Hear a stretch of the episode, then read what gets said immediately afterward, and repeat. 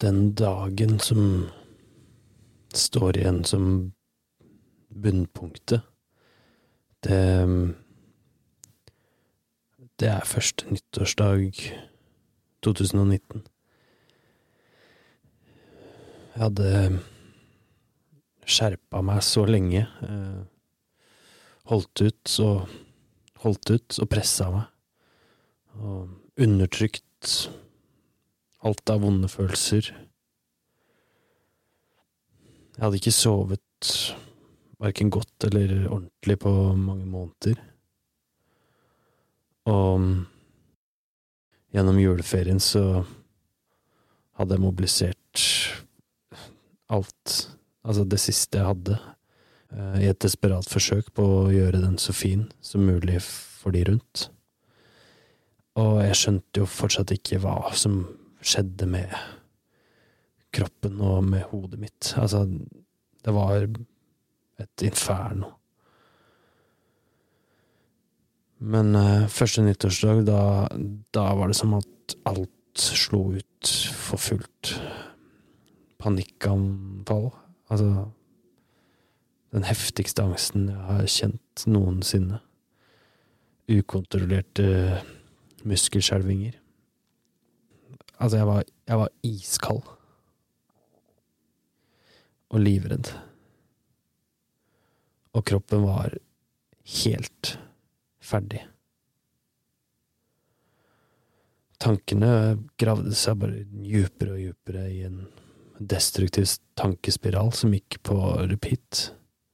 Jeg måtte bare vekk, fordi jeg klarte ikke å holde maska hjemme lenger, eh, og jeg ville ikke at ungene skulle se meg i den tilstanden jeg var, da. Så jeg dro inn til uh, leiligheten til uh, kjæresten til faren min, og lå egentlig bare og rista uh, under dynene, mens faren min og, og kjæresten prøvde å gjøre det de kunne for å trygge meg. Jeg husker jeg så meg i speilet og, og fikk sjokk, fordi jeg så bare en likbleik vrak med blodsprengte øyne, helt uten liv.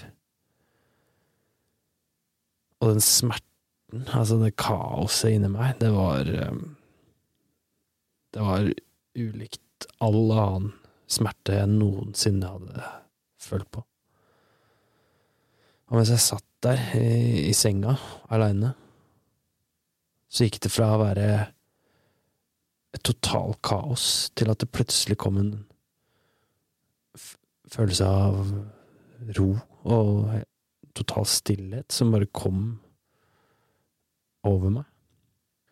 Og sammen med den følelsen så så jeg så jeg bare bilder av at jeg selv eh, hoppa ut fra en høy bygning, og at jeg hoppa foran et tog, og at det bare var over. Og det var helt, helt rolig. Og like plutselig som de tankene og den følelsen kom, så var det som at den bare forsvant, at jeg våkna, eller kom til meg selv. Og da blei jeg virkelig livredd. Altså fullstendig, fordi jeg skjønte ikke hvorfor de tankene her kom, parallelt med en følelse av ro. Jeg begynte å tenke, er det det her Altså, hva, hva, hva betyr det her? Og jo mer jeg prøvde å kvitte meg med de tankene og ja, var, jeg, jeg, visste ikke hvordan jeg skulle håndtere det. Eh, så det bygde seg opp bare mer og mer frykt, og det var en helt uvirkelig følelse. Og skammen var total. Jeg var, jeg var bare livredd for meg sjøl. Og det var da jeg trykka på panikknappen og ringte Endre.